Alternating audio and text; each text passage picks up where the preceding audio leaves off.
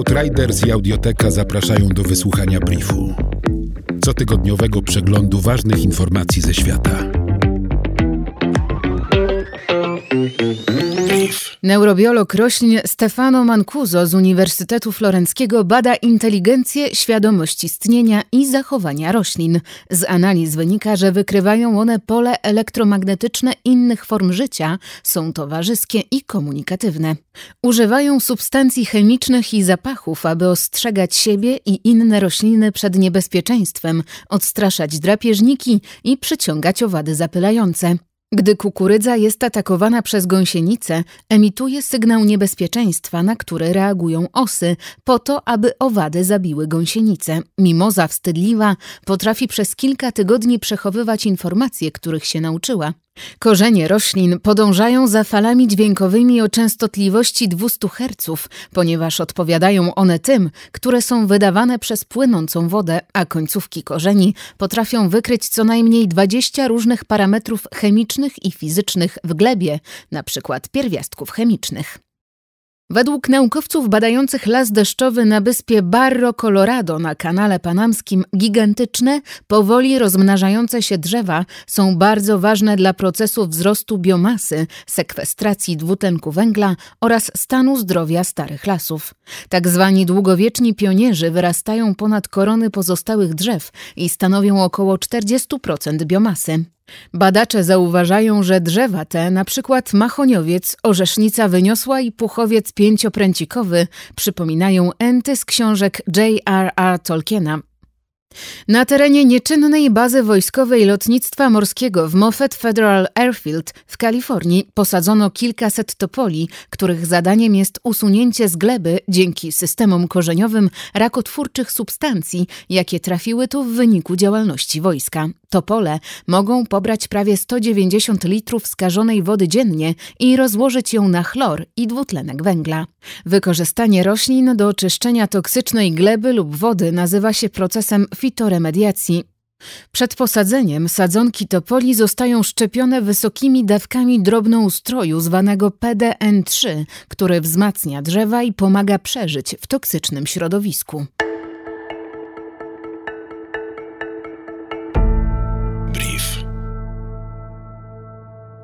82% wiejskich gospodarstw domowych w Indiach nie ma dostępu do bieżącej wody. Rząd indyjski zaplanował wydanie 50 miliardów dolarów na doprowadzenie wody do każdego gospodarstwa do 2024 roku oraz wyznaczył limit zużycia średnio 55 litrów wody na mieszkańca dziennie.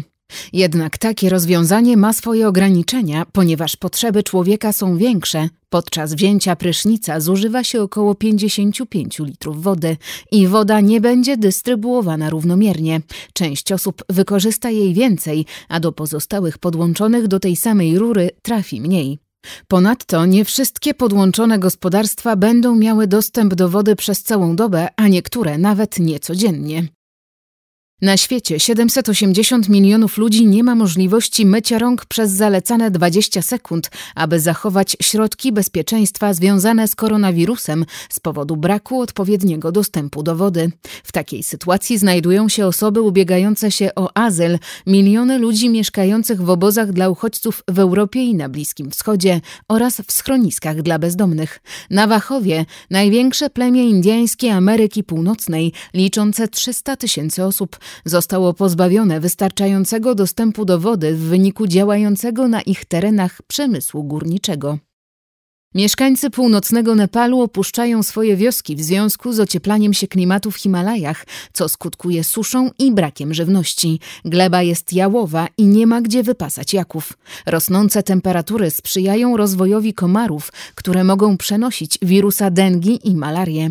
Naukowcy szacują, że liczba imigrantów opuszczających swoje domy w związku ze zmianami klimatycznymi może osiągnąć na świecie miliard do końca XXI wieku. Mieszkańcy Azji Południowej są jednymi z najbardziej narażonych na skutki ocieplenia klimatu.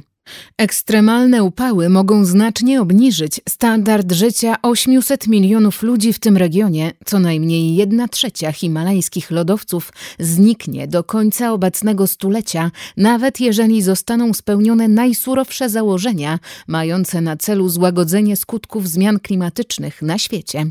Ponadto woda stopniejących lodowców zbiera się gwałtownie w górskich jeziorach, grożąc zalaniem znajdującym się poniżej wioskom. Brief Outriders. Nowe wydanie co piątek do posłuchania na lekton.audio ukośnik brief. brief. Powtórki przez cały kolejny tydzień na Spotify i w Twojej aplikacji podcastowej.